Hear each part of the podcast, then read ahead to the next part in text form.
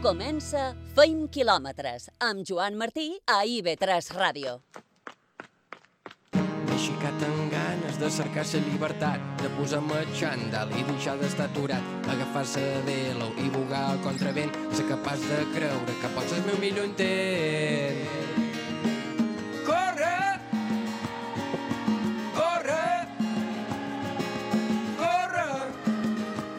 Feim ràdio i feim quilòmetres. Dilluns, 9 de novembre, programa 207.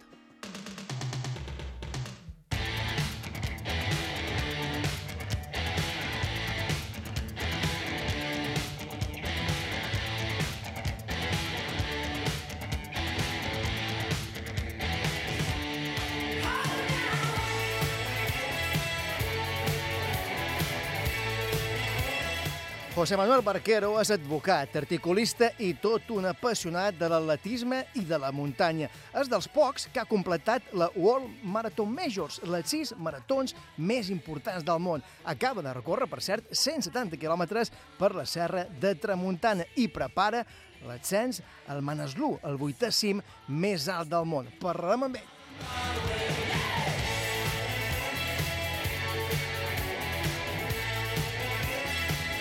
Parlarem també avui amb Xisca Tous, la triatleta d'Artà, ha tancat la temporada a la Copa del Món de València. Tindrem també d'aquí una estona Joan Reynoso, que s'acaba de proclamar campió d'Espanya de ciclisme adaptat. I passarà també avui pels estudis Guillem Humà, que ha completat la Titan Desert, una de les curses de bicicleta de muntanya més exigents del món. Enguany, edició especial que s'ha disputat a Almeria.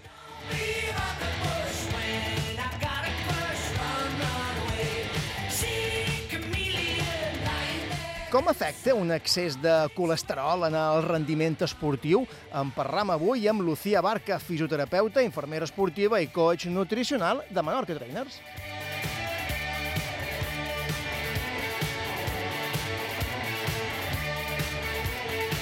I a la sala de lectura, a la sala de cinema, sabeu qui va ser Jeremiah Johnson?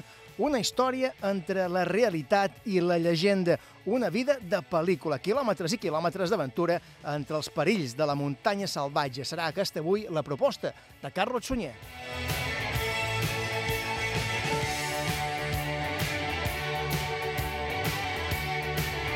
Toni Cardell i Iker Hernández són el control tècnic, José Sallés a la producció i qui us parla, un servidor, Joan Martí. Començam.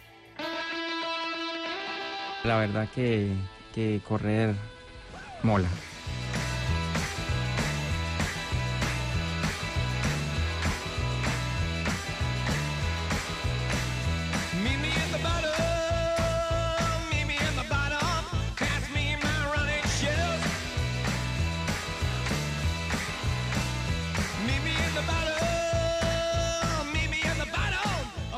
Dèiem ara, Xisca Tous ha acabat en la 19a posició, la darrera prova de la Copa del Món disputada a València, Copa del Món de triatló.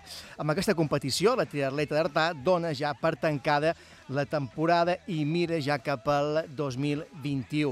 Xisca Tous, bon vespre i benvinguda una vegada més a 20 quilòmetres. Hola, molt bon vespre. Com estàs? Quina valoració fas d'aquesta darrera Copa del Món que has disputat a València?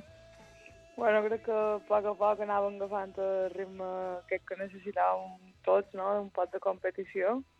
I, bueno, crec que aquesta temporada es poder competir ja és una valoració bastant bona de, cara en aquest any. Sí, això per descomptat. Eh, haver pogut competir al final a dues o tres proves ha estat tot, tot, un, tot un gran èxit. Eh, justament, però, comentes que és quan te començaves a trobar millor ara, no?, que, que s'ha disputat la darrera.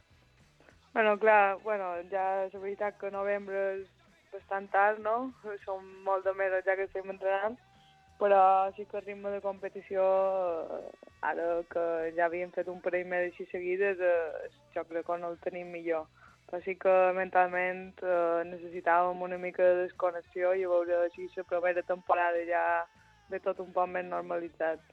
La guanyadora va ser la britànica Beth Pother, crec, que eh, la millor espanyol va ser aquesta vegada Nana Godoy, crec que va ser novena, tu vas acabar dinovena. Eh, estàs contenta amb aquesta posició o, o vas tenir opcions en algun moment d'entrar en aquest grup de davant? Uh, bueno, estic contenta amb el rendiment, però sí que és vera que hi ha alguns fallos que, que sempre se poden millorar, no? I, i bueno, això en cada competició és un món i, en cada competició s'aprèn i són coses que apuntes per, per no tornar a cometre. Escrivies en el teu Instagram, crec que avui, que ara toca desconnectar i aprendre de les errades. Eh, Què has, què has après enguany, Xisca? Bueno, eh, enguany, pues, com t'he dit fa un moment, eh, cada carrera és un món i sempre hi ha diferents circumstàncies, però bueno, eh, sempre s'aprenen coses positives, jo crec, i sempre s'ha d'estar allà. O en què creus que has de millorar, més ben dit?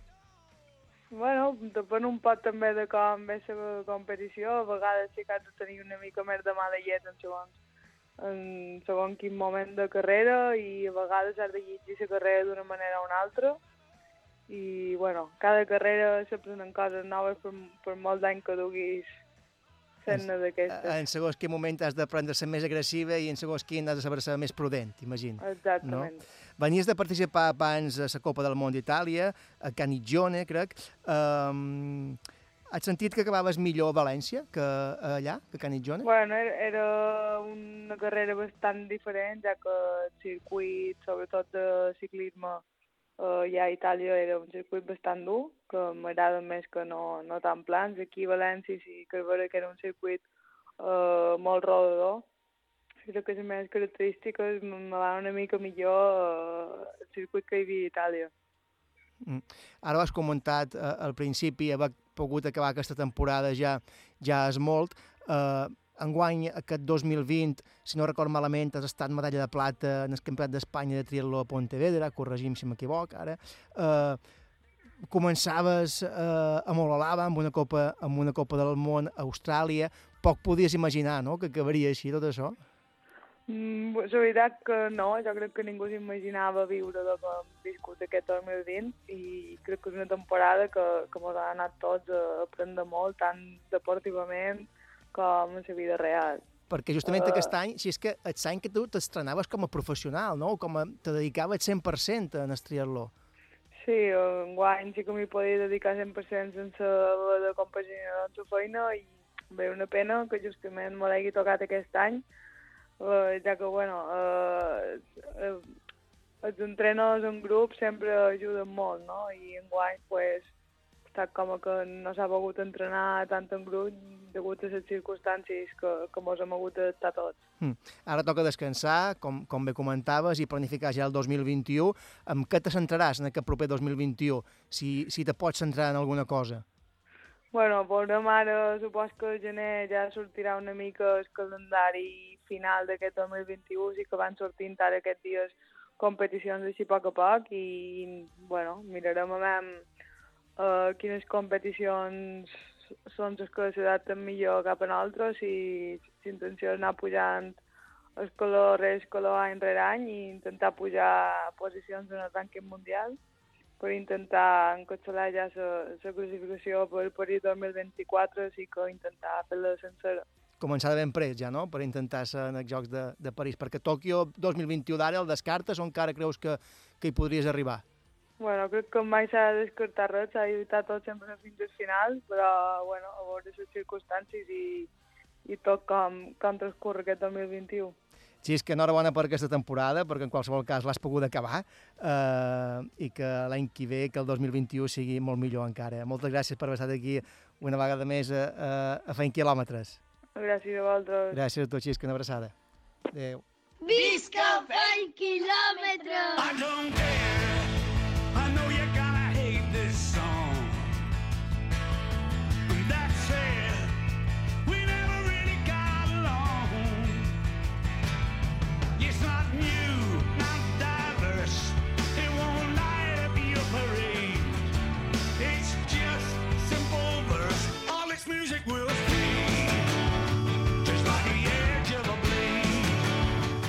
ja tenim aquí a Joan Reynoso, que s'ha proclamat aquest diumenge a Cartagena campió d'Espanya de ciclisme adaptat a la categoria MT2. Joan Reynoso, enhorabona i benvingut també a Fent Quilòmetres, com estàs? Ei, què tal? Bon vespre. Com anem? Com va ser aquesta carrera? Molt disputada.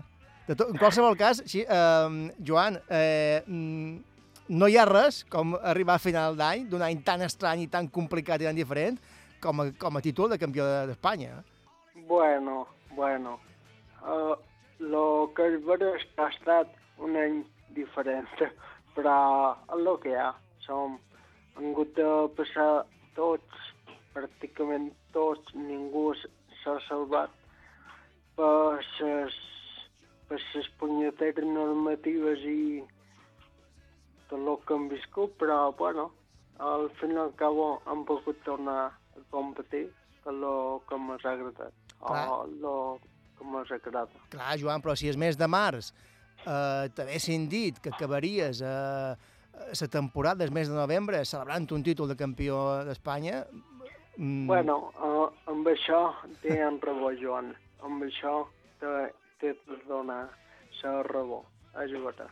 És, és una forma agradable d'acabar la temporada. I, I com va ser la carrera a Cartagena? Va ser molt disputada? Bueno, res, va, va estar bé, eh, bueno, va estar bé. Lo, lo que me va agradar a jo és que mai en sa vida havia corregut dins un circuit de cotxes o un circuit de moto, el que li vulguis dir. Uh -huh. I me pensava que en la bicicleta o en la meva pues seria més dificultós que i m'ho vaig passar bé. Ver- la veritat és aquesta. La sensació me va, me va agradar. Qua, quin temps vas fer, al final, Joan?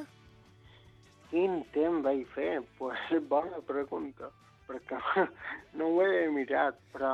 Perquè crec que vas rodar, he mirat, a 33 quilòmetres i mig, no? De, pa, pa, està, Sí, de Déu-n'hi-do, està velocitat. bastant bé, de mitjana. Bueno, està bé, està bé. Però sí, uh, sí, una cosa així. Van ser, uh, crec que 12 quilòmetres, sí, a, a un 34 de mig, sí, mm. L'any passat... I digues, llavors digues. la ruta va ser una horeta, crec que va una distància relativament, relativament curta. Van ser vuit voltes, sí, una hora més o menys. Mm. Escolta, i crec, es, mm, crec que va ser el mes d'abril, no?, que vas tenir un, un accident.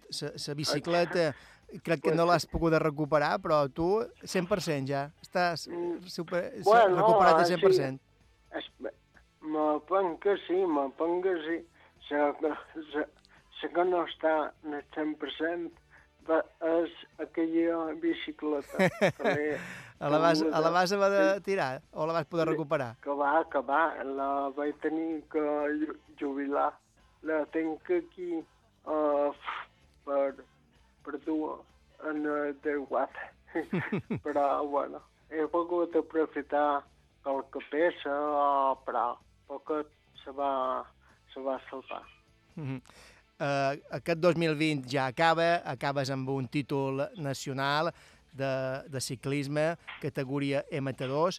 Uh, el, teu, el teu objectiu l'any passat era poder arribar a Tòquio, Tòquio 2020.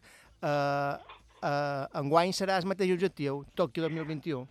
Uh, bueno, Joan, molt bona pregunta que és. L'objectiu meu és, és aquest, és intentar anar a les Olimpiades ara. No depèn de jo, 100%. Ho puc fer bé, ho puc fer malament, no. Però al final que vols que faig llistat oficial per anar a Tòquio de seleccionador, no ningú més. I jo confio, tinc la confiança, pues, que si ho fas bé, com és normal, el seleccionador s'endú en els millors de cada categoria. El manco això de jo i no me queda més remei que pujar a les Olimpiades, pues, amigo. Amigo, uh, clar, el, el seleccionador fa la llista dels que van a les Olimpiades, evidentment, fa una selecció, però uh, aquell que ha fet campió d'Espanya deu tenir més números que aquell que no, que, que no ha fet campió d'Espanya. Sempre mm, s'ha de ser bueno, optimista en aquest sentit. La feina la vas sí. fent bé. Sí que és vera que quedaran uns mesos encara, però uh, t'avala també la teva trajectòria, t'avala el teu currículum i, i has acabat amb, amb, una, amb, amb, amb un bon èxit. Sí, sí, el que diu tens raó, però els meus uh, majors rivals, per, per desgràcia, no són espanyols o no estan a Espanya, estan per Europa per Estats Units o per, per tot el món repartit. I, clar, el seleccionador se fixa clarament amb el campionat d'Espanya, però ell també se fixa molt les proves a nivell mundial. A nivell mundial. Com normal, clar, vamos. Clar, clar. Bé, l'any passat, crec que si no vaig equivocat, vas fer bronze, no?, en el contrarrellotge de, de Canadà, Copa del Món, i, Uh, correcte. i dos correcte. i dos sisens llocs eh, eh, en el Mundial de- d'Holanda. Sí que és cert que l'any anterior, el 2017, havies fet bronze, aquesta vegada no vas fer podi, però, però bé, dos sisens llocs tampoc... Record que allí vas dir que no havia estat el teu millor Mundial, no?, que no estaves molt no, content. No, me va quedar un mal sabor de boca, per dir alguna cosa. Però, bueno, són coses de ciclisme, un dia estàs bé, un dia no estàs bé, un dia de surt millor que un altre, i jo anava molt ben preparat per dir alguna cosa, i, bueno, no vaig tenir el meu millor dia. I paciència, el que hi ha, el que hi ha. no es pot tenir sempre el millor dia, hi ha anys bons, Ah, hi ha anys que no són, correcte, tan- no són tan correcte. bons. Aquest any semblava que no havia de ser massa bo, però bé, Joan, eh, l'acomiades eh, amb un campionat d'Espanya que està molt bé, tot i tenint en compte que vas eh, deixar la bicicleta pel camí, i, i segurament... eh, va bé, que eh, la bicicleta nova que has estrenat ha anat bé. Mas, sí, va, va molt bé. És el mateix model, perquè jo, com, com que estava molt content amb la que tenia, vaig dir que d'anar a fer proves i vaig dir, bé, la mateixa... I, Vull una i reproducció de la mateixa que m'ha destrossat el cotxe. Eh, Correctament, correctament.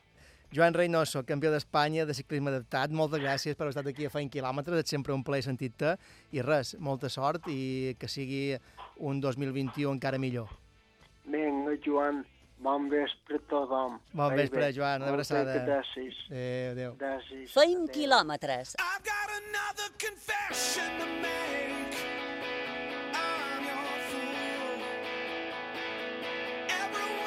Chains to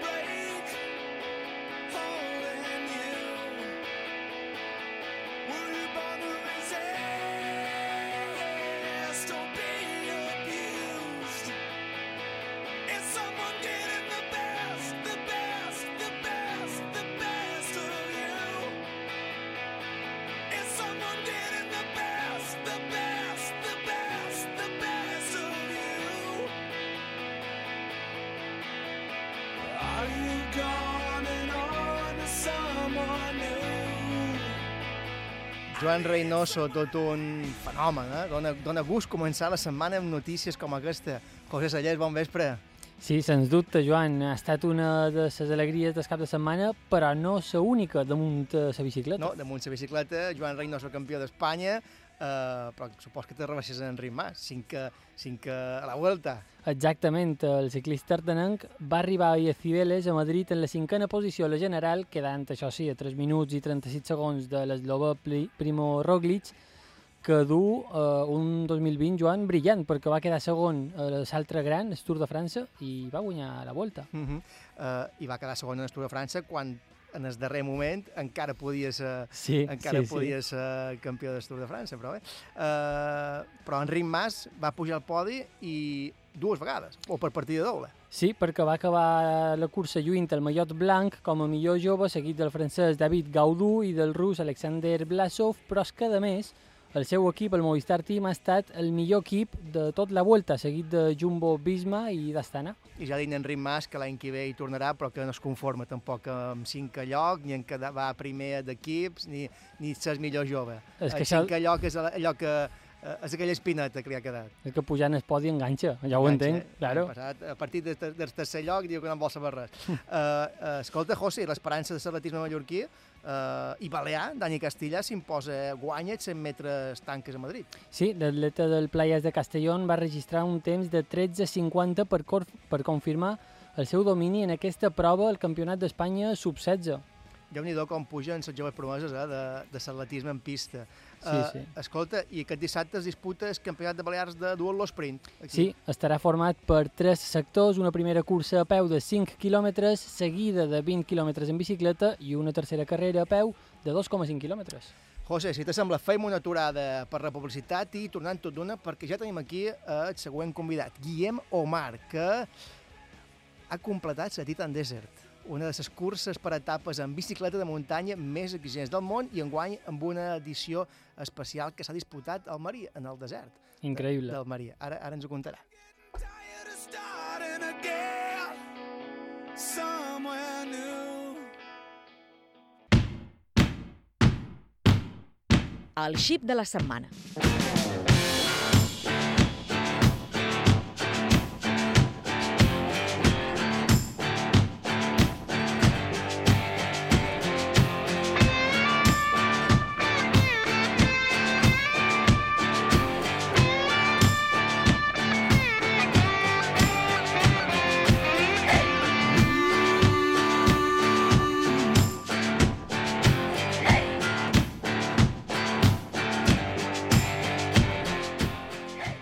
Titan Desert és una de les competicions més exigents del món en bicicleta de muntanya. Originàriament són sis dies de competició pel desert del Marroc, però que aquest any, per tot això del coronavirus, s'han disputat a Almeria.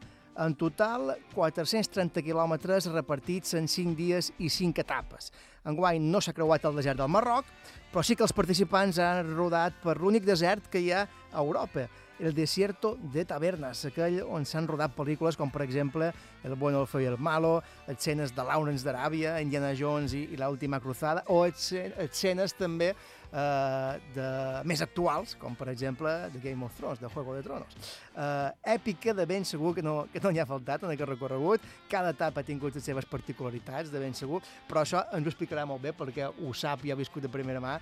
Eh, Guillem Omar, un dels participants en aquesta edició especial. Bon vespre, Guillem, com estàs? Bon vespre a tots, gràcies. Benvingut a, a Feint Quilòmetres. Uh, divendres participaves encara a la darrera etapa, de 64, de 64 quilòmetres. Com estàs? Estàs recuperat? Sí, sí, sí, és veritat que sí. ha anat molt bé, és veritat que estic ja bastant recuperat i, bueno, de fet, demà ja estic preparat per tornar a sortir. Escolta, com dèiem, prova de resistència, recorregut de 5 etapes. La primera va ser dimarts, que vas començar, crec, ja dimarts passat, dia 2, crec que eren 100 quilòmetres, 1.517 metres de desnivell acumulat. Eh, Per Sí. començar ja està bé. Com va ser aquesta primera etapa? Bueno, la primera etapa, per jo era la primera edició, la veritat que mm, m'havia d'adaptar una mica a com funcionava tot, la carrera, com a quin grup ho coï, quina roda havia de coir això. I bueno, hi havia molt de nervis, la veritat que van sortir molt ràpid, eh, els primers 10 quilòmetres eren eh, per una platja així d'arena forta, i s'anava molt ràpid, molt ràpid, i bueno, eh, primers quilòmetres, primer dia de carrera, primera vegada que faig aquesta cursa, pues, la veritat que hi havia molt de nervis, però bueno, tot d'una va arribar la primera pendent, la primera costa. Tots va, ens van posar en el nostre puesto i ens van relaxar. I bé, és veritat que és molt bé, és veritat que és, és una, és ha estat una experiència La primera etapa, que és 100 quilòmetres, sortida ja de, de Montarena de, de platja. Eh, com va ser la superfície en aquesta primera etapa? Hi havia, hi havia asfalt o... No, no, no, gens. Era per un parc natural de Cabo de Gata.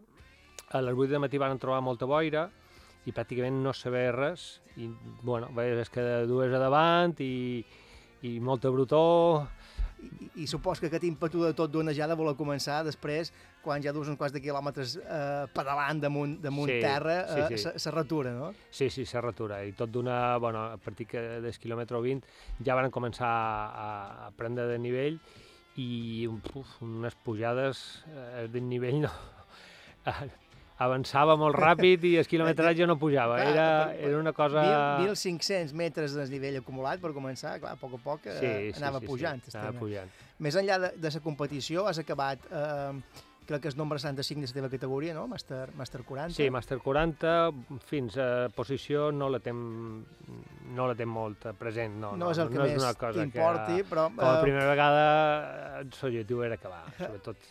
Clar, el que compta és acabar etapes, no? Tenir aquest esperit titan, no? Que, que es Sí, diu. És sí, cert, sí, sí. això, d'aquest esperit, de que s'ha Sí, d'anar allà amb l'esperit cert. de superació i de cert. compartir i de, cert, i de és cert, convivència? és cert. Doncs Jo ho, ho havia seguit molt, la veritat que feia molt d'anys que tenia la intenció d'apuntar-me i perquè se feia unes dades que m'era impossible per feina i enguany doncs, bueno, ho van canviar per motiu del Covid i ho van posar a novembre, a, més a prop de que nostra que no al Marroc, i no me vaig, no me vaig pensar, me vaig apuntar tot d'una, tot d'una se va obrir l'inscripció, crec que vaig ser dels primers que, que va poder entrar a les places que qualcú va deixar en so canvi, i, i sí que és vera, l'espírit titan eh, se viu tot d'un allà, el companyerisme, la gent, tot d'una la gent és una prova que la gent repeteix i quan t'acumules quilòmetres fas, quan fas més de 3.500 quilòmetres eh, en aquestes carreres eh, te converteixes en Titan Legend i aquesta gent, pues, veritat que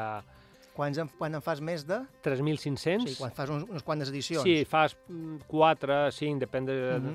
de, perquè aquesta en tenia 450, normalment una Titan són 600, bueno, Va variant per eta d'etapes, no? També, Sí. a vegades són 6, a vegades són 5. Sí, exacte. El que sí que és cert que es faci o no es faci, normalment es fa al Marroc, eh, varien el recorregut any, cada, any rere any. Sí, sí, sí, Mai varia. passes per allà mateix. Sí, sí, mai passes per allà Per, molt, mateix. que, molt, per moltes edicions que repetesquis. Sí, sí, sí, és veritat, sempre és, igual, sempre és diferent. Enguany, el que ens comentaven els veteranos, eh, bueno, la gent legend i tota la gent que ha anat, és que el de nivell era molt, eh, molt més pronunciat que, que en el Marroc. El Marroc, el de nivell el vas acumulant molt més lentament, etapes pintura igual de llargues, però de nivell pues, eh, se, se adquiria en el quilometratge. Enguany era, duem pintura 20 quilòmetres i ja duem 1.000 metres de, de desnivell, era, era un desbarat. eh. La primera etapa Sí, ja, sí, sí, ja no. entràveu fort. Sí. Uh, José Sallés, t'apuntes l'any que ve a l'edició de, de la Titan o... Po, po, jo ho puc proposar. Una altra cosa és Que- ho apuntem, eh? Sí, sí. No, perquè jo, jo escoltant Guillem, la meva pregunta que me faig és quina era la teva motivació per voler participar en un any on era tan difícil entrenar, com en guany amb el tema del coronavirus, de l'aturada, perquè Bueno, els la meva difícils. motivació era perquè fa molt d'anys que, que ho volia fer, fa molt d'anys, però sempre se fa Setmana Santa i per feina m'era impossible. I enguany, doncs, quan vaig veure tot d'una sa fetge, és que no m'ho vaig pensar. Tot d'una... Ni siquiera vaig poder avisar companys de, de grup o això, perquè tot d'una vaig veure que sí que me podia inscriure, que me- donava accés a, a estar inscrit, me vaig, me vaig inscriure sense pensar-ho. I, I has tingut temps de poder-la preparar a consciència per poder... Bueno, sí, sí. Pens que mm, tens per preparar-la i poder-la acabar, sí. El que passa que quan, quan, te- quan te passa un dorsal el que vols és avançar i tot... Miraves Clar, si eh, podies sí. sí. pujar a la taula. Els primers dies pues, estàs molt conservador per, per sobretot intentar acabar, perquè era dia tras dia, però quan te poses el dorsal, uh, buf, Si fos que vaig 74, millor que 75. Sí, eh? sí, I... sí, estem molt pendent i, bueno, ha estat, ha estat una passada. La veritat que poder fer una prova en guany, que tot se suspèn, en les mides de, de seguretat que ens han fet passar, en el control de- de- d'antígens, prendre temperatura, dos, dos pics en so dia... Ha estat, la veritat que, bueno, jo no sé per la organització, totes aquestes despeses I han estat estrictes, no? molt estrictes, molt estrictes. Eh? La cita, ens van enviar un, un protocol de, de Covid i a banda eh, de, de l'inscripció pues, ens citaven un pàrquing enorme i teníem per dorsal una hora de, de, de cita i allà pues, havien de passar primer un control d'antígens, un per un, i en 15 minuts ens donaven el resultat. Si eres negatiu, pues, eres apte i aquí ja passaves a, a lo que és... Eh, I abans de cada etapa feu la prova. No, no. Només... Només un pic. principi. El que passa que eh, una vegada passat aquesta prova passàvem a una, diríem, una bimbolla, no? Mhm, Se diu? sí, sí, una sí. burbuja Mhm. eh, que tothom que esté en aquell entorn, en aquell redol, havia passat la prova, tant proveïdors, massatgistes, mecànics, participants... Ningú sortia i ningú entrava. Ningú, no, ningú sortia, no te deixaven sortir d'allà. I, bueno, mos posàvem una pulsera i ja eres, ja eres apte, i, bueno, a partir d'aquell moment, eh, pues això. Parlam avui amb eh, Guillem Humà, que ha completat aquests 450 quilòmetres de, de la Titan Desert, edició especial que s'ha disputat enguany en el desert de Tavernes, a Almeria.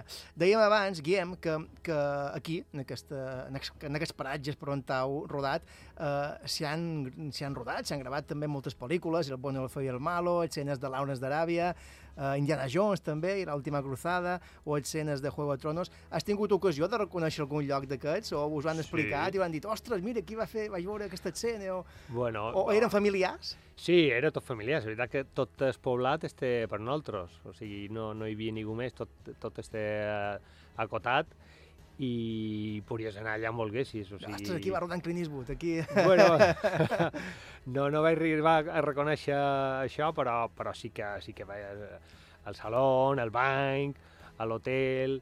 No, no, estava molt bé. I tot, totes les instal·lacions estan habilitades per, bueno, que són massatgistes, mecànics, sa, lo que és l'organització, i molt bé. I nosaltres estem a unes, a unes jaimes que, bueno, és veritat que hem estat la mar de bé.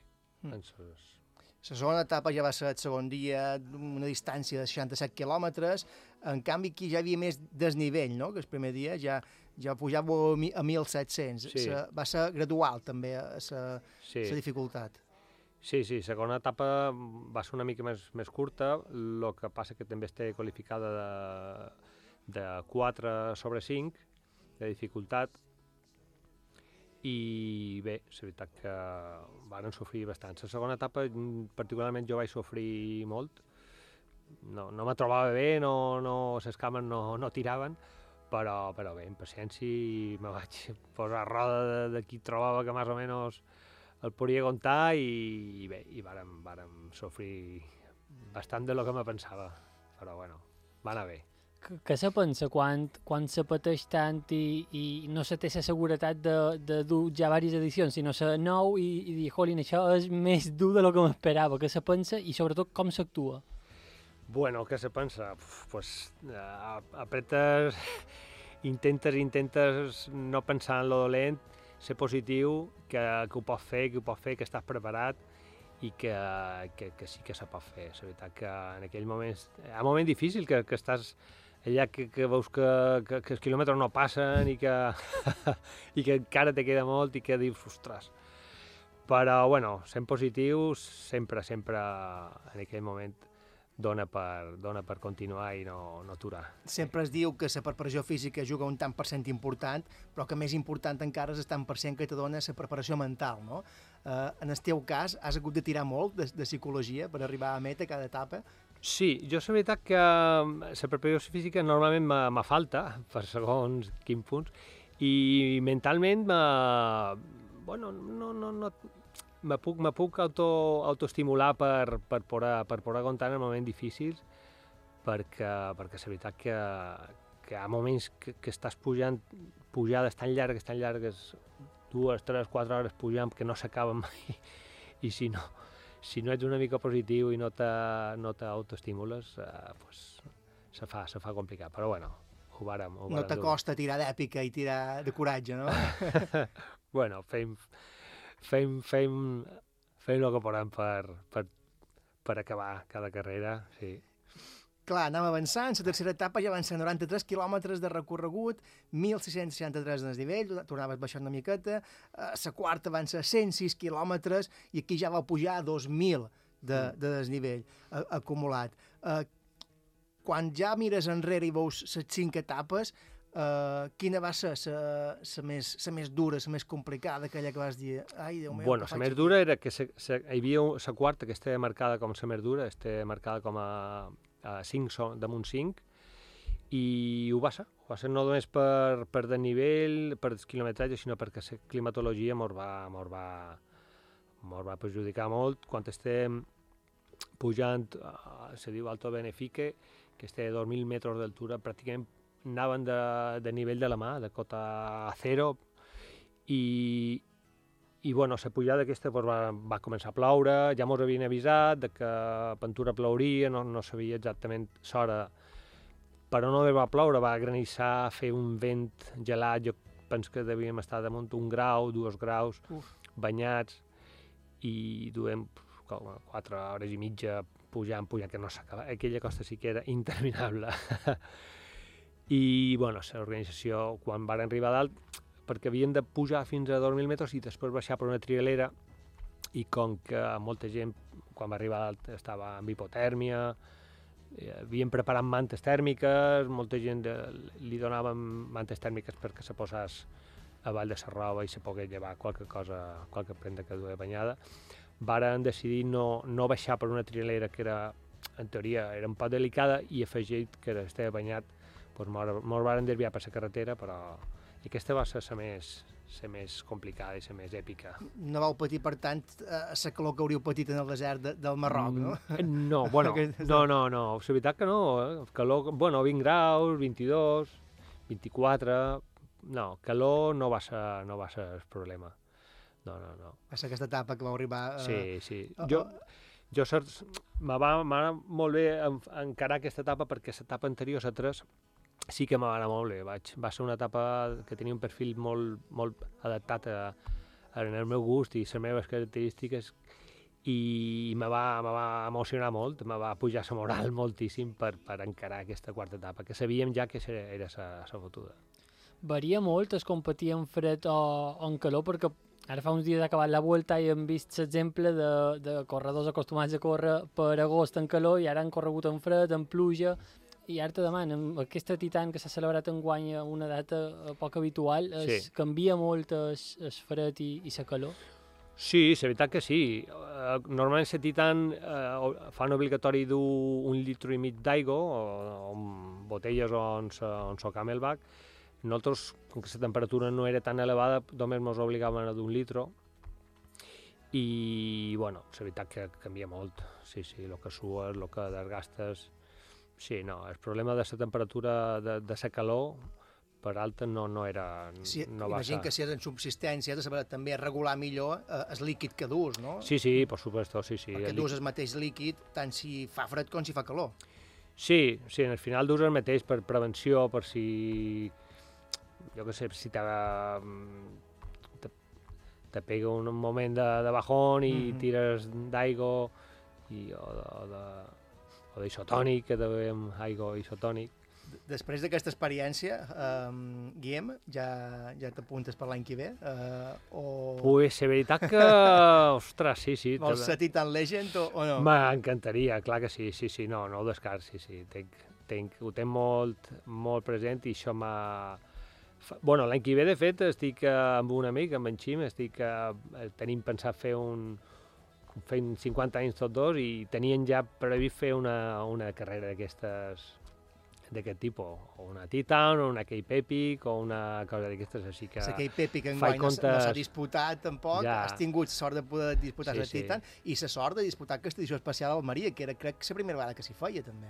És la primera vegada, sí, sí, sí. La primera vegada, la primera carrera que se fa a Europa d'aquest tipus. I, bueno, jo crec que la repetiran, perquè mm, l'organització, el que és la diputació... eh, eh, Sempre s'havia fet al Marroc i alguna vegada a Aràbia, crec que... se- que se- Marroc, Aràbia, s'ha fet a Titan Tròpic a Costa Rica Mhm. i crec que també Cuba.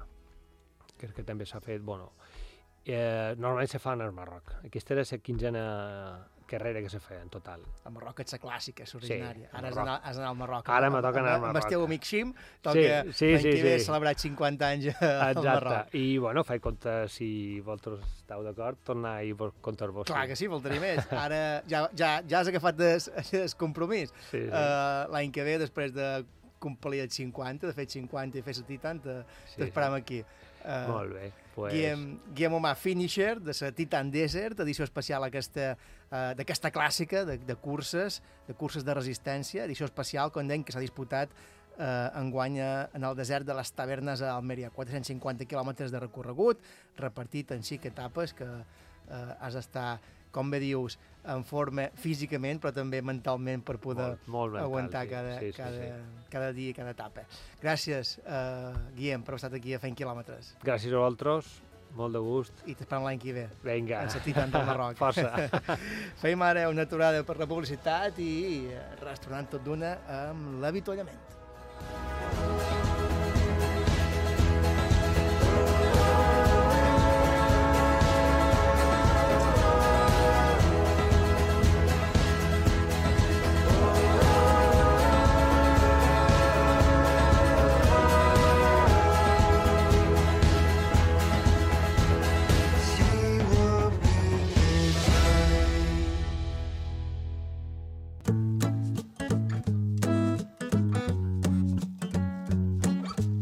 L'avituallament.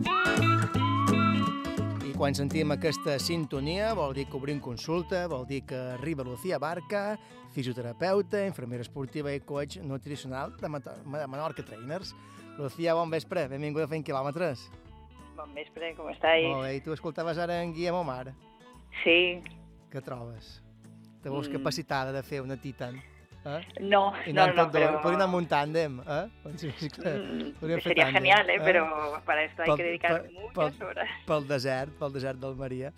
Uh, escolta, mm, no crec que siguis cas de- d'en de, Guillem Omar, perquè està molt en forma, però parlam avui de, de colesterol, no? que és com afecta i com afecta en el rendiment esportiu. Uh, uh, primer de tot, en primer lloc, és freqüent sentir parlar de colesterol? És bastant freqüent. Sí, sí, sí. Todos eh, conocemos a alguien que tiene el colesterol alto, si no nosotros, incluso en, en deportistas, pues también se da el caso. Y si nos basamos en estudios, vemos que según un estudio reciente de nutrición y riesgo cardiovascular que se hizo en, en nuestro país, la mitad de la población adulta, la mitad, tiene el colesterol elevado. ¿Qué te parece? La meitat? Eso O dice. sigui, la meitat el té alt i la meitat el té baix o el té, o el té, est- o, o el té correcte?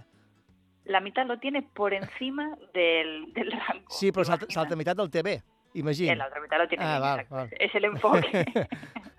si una meitat el té alt i l'altra meitat el té baix, eh, ningú, ningú el té bé.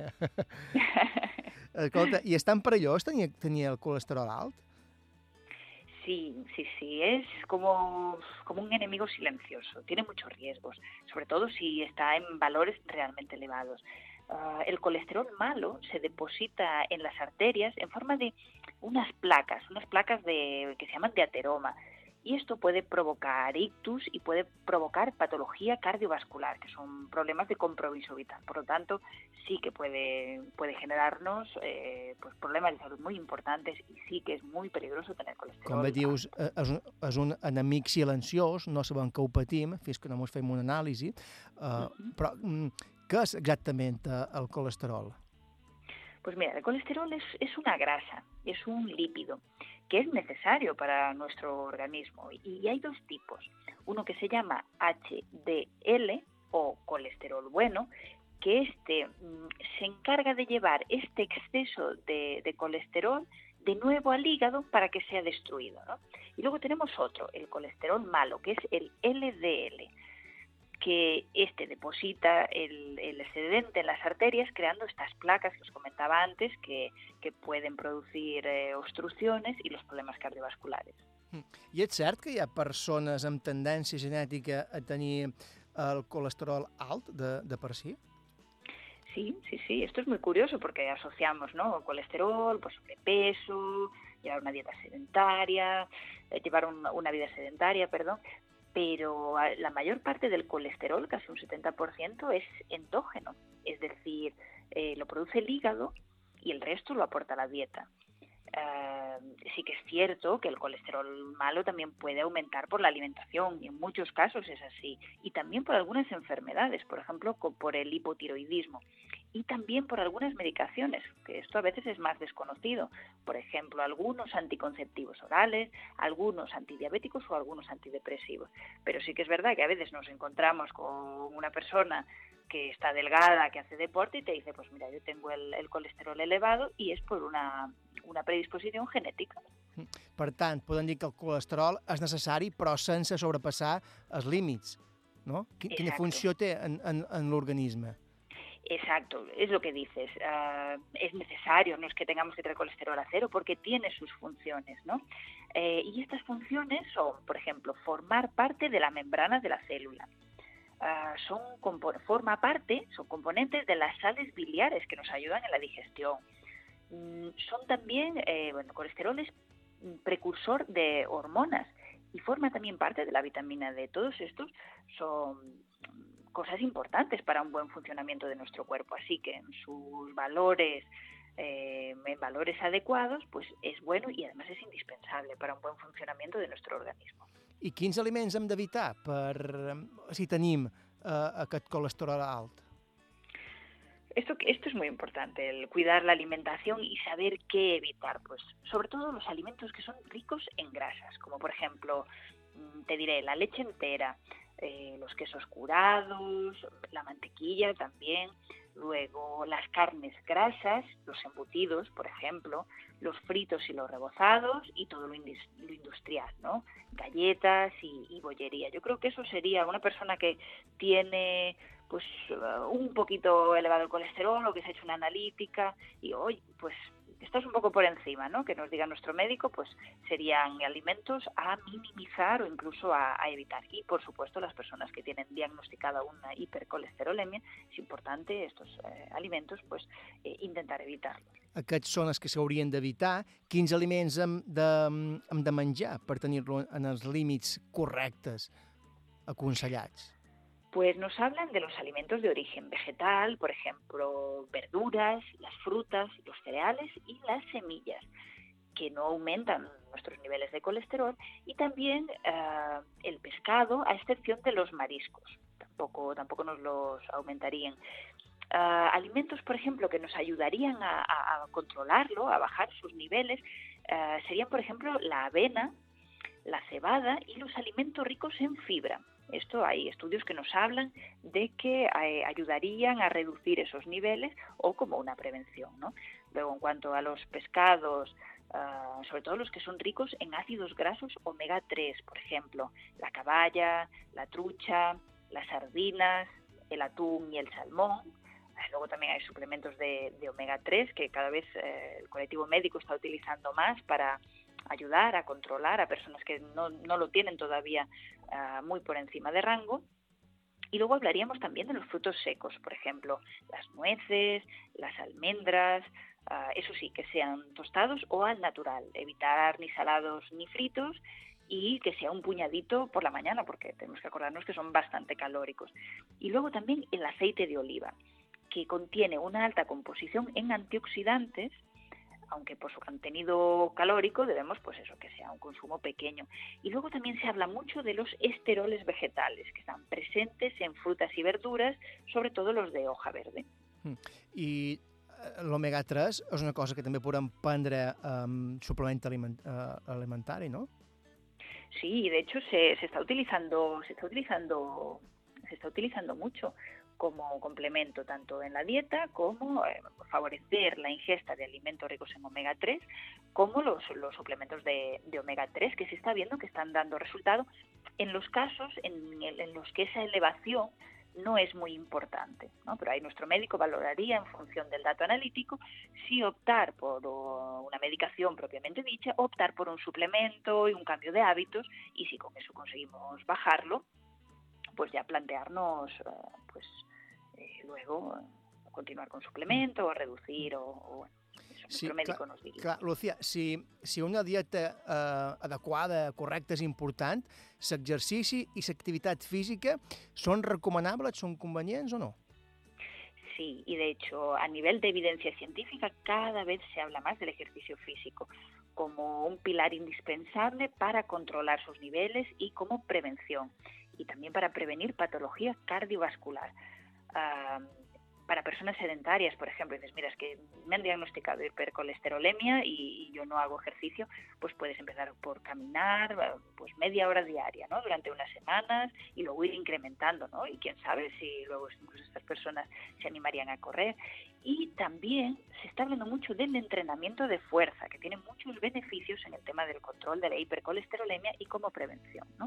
Y aquí recordar siempre, si tenemos dudas tanto con la actividad como con la alimentación, recurrir pues, a un entrenador personal o un nutricionista que nos puede diseñar una, una dieta, un plan de alimentación adecuado a nuestras necesidades y también a nuestros gustos. Per tant, l'exercici i l'activitat física són, conven són, són convenients, són necessaris per reduir aquest colesterol alt, però aquelles persones que practiquen esport, que ens escolten i tenen eh, aquests índexs elevats de colesterol, com afecta eh, això en el seu rendiment esportiu? Ho han de vigilar? Han d'anar alerta? Sí, no, no tienen un mayor riesgo los deportistas. De hecho, el riesgo sería menor. Sí que es verdad que, por ejemplo, pasa. Eh, una persona que es deportista, que está haciendo larga distancia, puede, puede estar delgado, puede estar en su peso, puede estar fuerte y puede tener una hipercolesterolemia, pues eso, porque tiene un componente genético, ¿no? Pues en estas personas es súper importante pues sus, controles analíticos, sus revisiones y luego pues... Eh, pues mediante suplementos, si es necesario, o muchos ya mediante medicación, pues uh, mantener eh, esos niveles pues lo más bajos posible, pues la verdad es que es una cosa peligrosa. Luego hay a veces uh, una mala interpretación por parte de algunas personas, sobre todo mayores, que dicen, no, yo tengo el colesterol alto, pero como me tomo la pastilla, puedo comer de todo. y esto, siento decirlo, que no es así.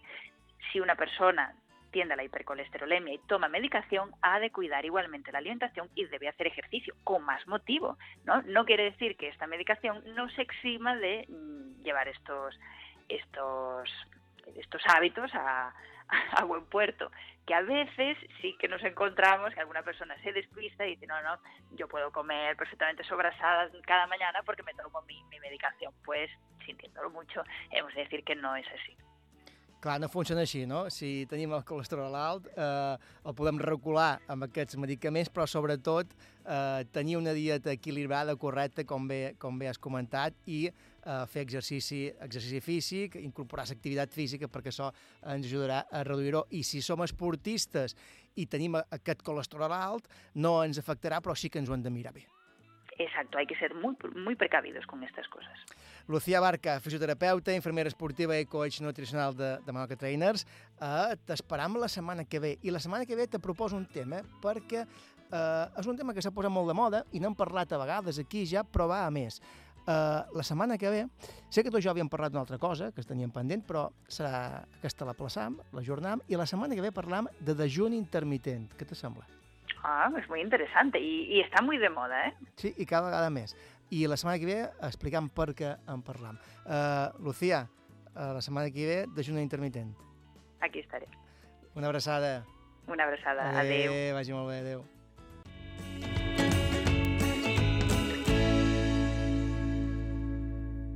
Feim quilòmetres. It's been years since they told her about it. Feim una aturada per les notícies de les 10 i tornem tot d'una.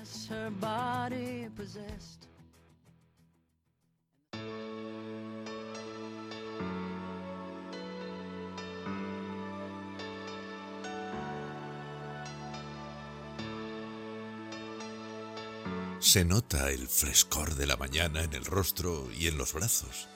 Al alba, aún en pleno estío mallorquín, con las primeras pedaladas es posible sentir un leve escalofrío cuando el cuerpo aún no ha entrado en calor. En escasos minutos, el cielo torna del plomo al azafrán y comienzan a caer las primeras gotas de sudor. Ver amanecer atravesando en bicicleta la albufera de Alcudia es un espectáculo impagable y gratuito. Una experiencia sencilla, resistente a todo virus o crisis planetaria.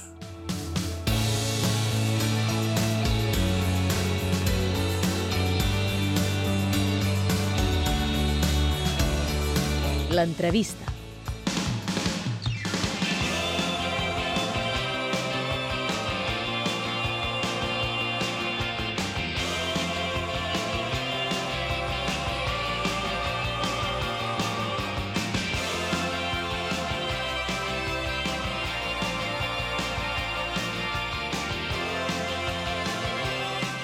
Escoltàvem ara el primer fragment de l'article Les curves de la felicitat, un dels tants escrits que ha publicat el nostre protagonista i que recull després en el seu llibre Columnata Abierta.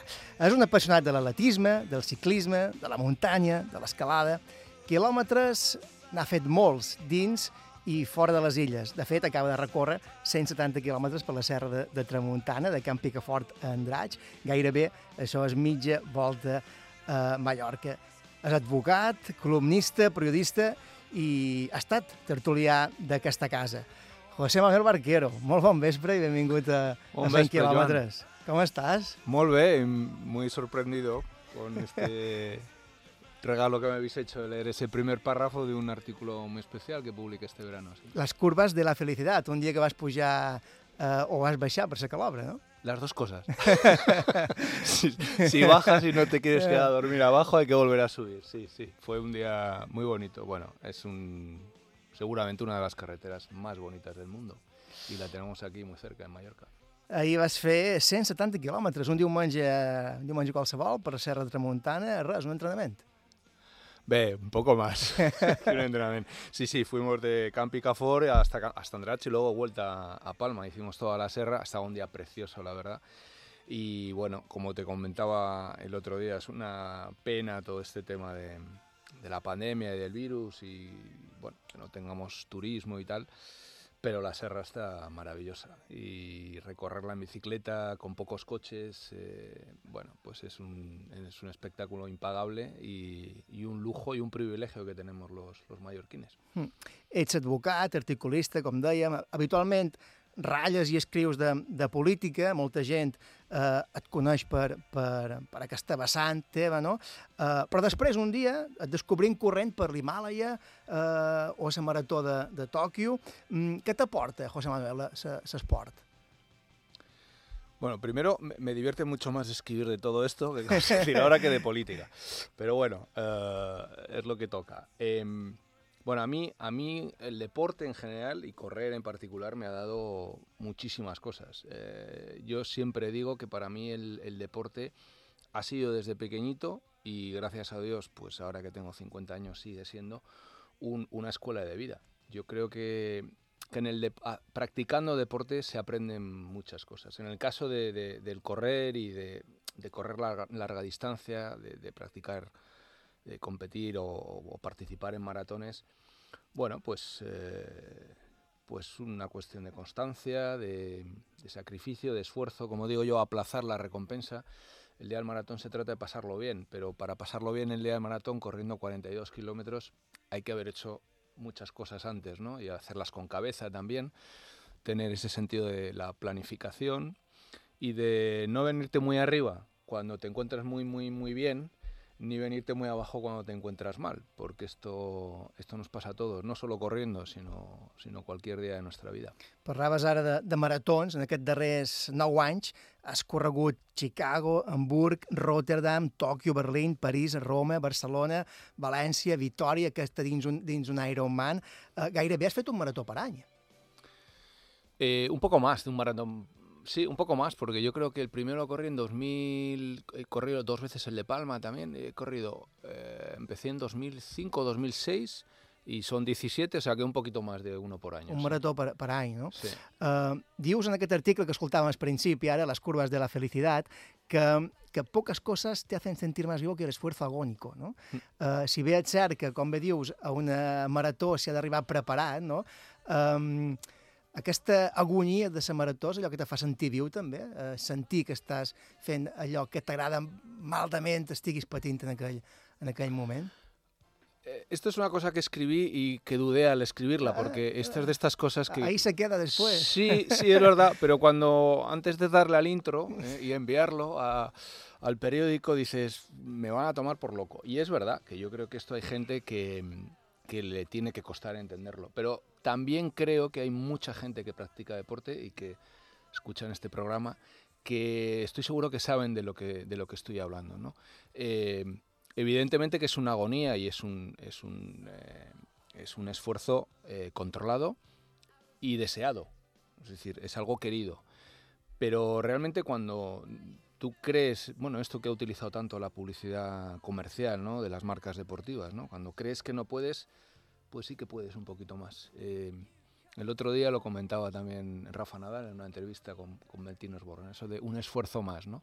Bueno, pues parece que nunca puede llegar. Si a mí personalmente me hubieran dicho eh, hace unos años que iba a haber corrido 17 maratones o iba a hacer un Ironman o iba a subir una montaña de 7.000 y pico metros sin oxígeno, no me lo hubiera creído, sinceramente, Joan. Y mira que he hecho deporte toda mi vida y siempre me ha gustado, ¿no? Pero esa sensación eh, de poder y, y, y de ir un pasito más allá te hace sentir muy vivo. I en aquest sentit, crec que en el teu cas, la Marató de Chicago va ser una escola, no? Yo he tenido varias. Esta, esta fue dura, esta fue muy dura porque eh, en Chicago es donde hacía yo mi quinto mayor cuando solo eran cinco majors. Luego añadieron Tokio, que, que también lo hice con un buen amigo de este programa, que ya habéis tenido aquí, con Joan Pere Carbonell, que yo me enfadé mucho, porque claro, lo, lo entrevistáis aquí como que era el primero que había hecho los seis majors y yo le dije, pero si yo lo hice contigo. Llegué un poco más tarde que tú, pero, pero lo hicimos juntos. Hi ha en Joan Pere Carbonell, que ha fet les sis majors, sí. eh, Nova York, Chicago, Boston, Berlín, Londres i Tòquio, sí. Tòquio que el van afegir uh -huh. darrere hora, que la, la vau fer allà, crec que sí. hi éreu tots dos. Lluís Salom, també, de mm. Maonès, que també ha... O, Sí, sí. Eh, o Sant Lluís, ara no me voldria equivocar, de Mou o de Sant Lluís, no sé, eh, que ha complet aquest, eh, ses majors. Sou poquets, que ho aconseguit a Balears.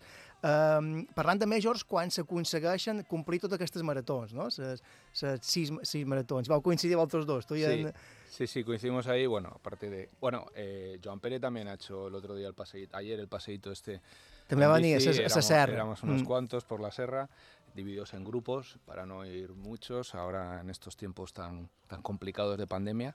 Pero en Tokio sí, sí, fuimos los dos, eh, yo creo que fue el año 2000, 2014, 2014. Evidentemente Joan Pérez fue más rápido que yo, como siempre, pero, pero fue un maratón fantástico. En Chicago tuve un problema de una hiponatremia, un exceso de hidratación y realmente pasé, pasé unos kilómetros finales malos. Lo que pasa es que aquel era mi quinto mayor. Entonces dije, aquí, eh, bueno, aunque sea eh, de rodillas, Rip, llego. ¿no? Porque iba muy fácil, pero bueno, al final tuve un, tuve un problema físico y sufrí bastante, pero bueno, creo que hice bien en llegar. Me hubiese arrepentido mucho de, de retirarme. amb, amb en Joan Pere Carbonell, que, que el comentaves ara, heu, heu completat la Majors i tots dos vau ser testimonis de, a la Marató de Boston, de, Sí. de, dels atentats en, en aquella marató, no? estuvo ho recordes? allí en directo. eh, yo recuerdo, lo había corrido el, el año antes y yo tengo un, un impacto. Además, escribí un artículo en Diario de Mallorca el, el día del, del atentado porque, bueno, estas cosas de la vida, ¿no? Yo cuando vi las imágenes no, no me lo podía creer, hablé con, con Joan Pere muy pronto, pero mis padres, eh, que me acompañaron a aquel maratón el año antes, estaban situados exactamente delante de donde estalló la, la segunda bomba. Exactamente. En, esa, en, en ese cruce, en esa esquina. a O sigui, tu la vas 500, córrer l'any 2011. Sí, eso es. eso I en Joan 2011. Pere va anar després l'any Eso l'any es, 2012. Sí, sí, eso Mm. es. Y bueno, son estas cosas que, que te marcan. Recuerdo además, por ejemplo, las medidas de seguridad luego en Tokio fueron brutales en el año 2014, que el año siguiente creo al, al esto, bueno, todos pasando por los arcos de seguridad, etcétera.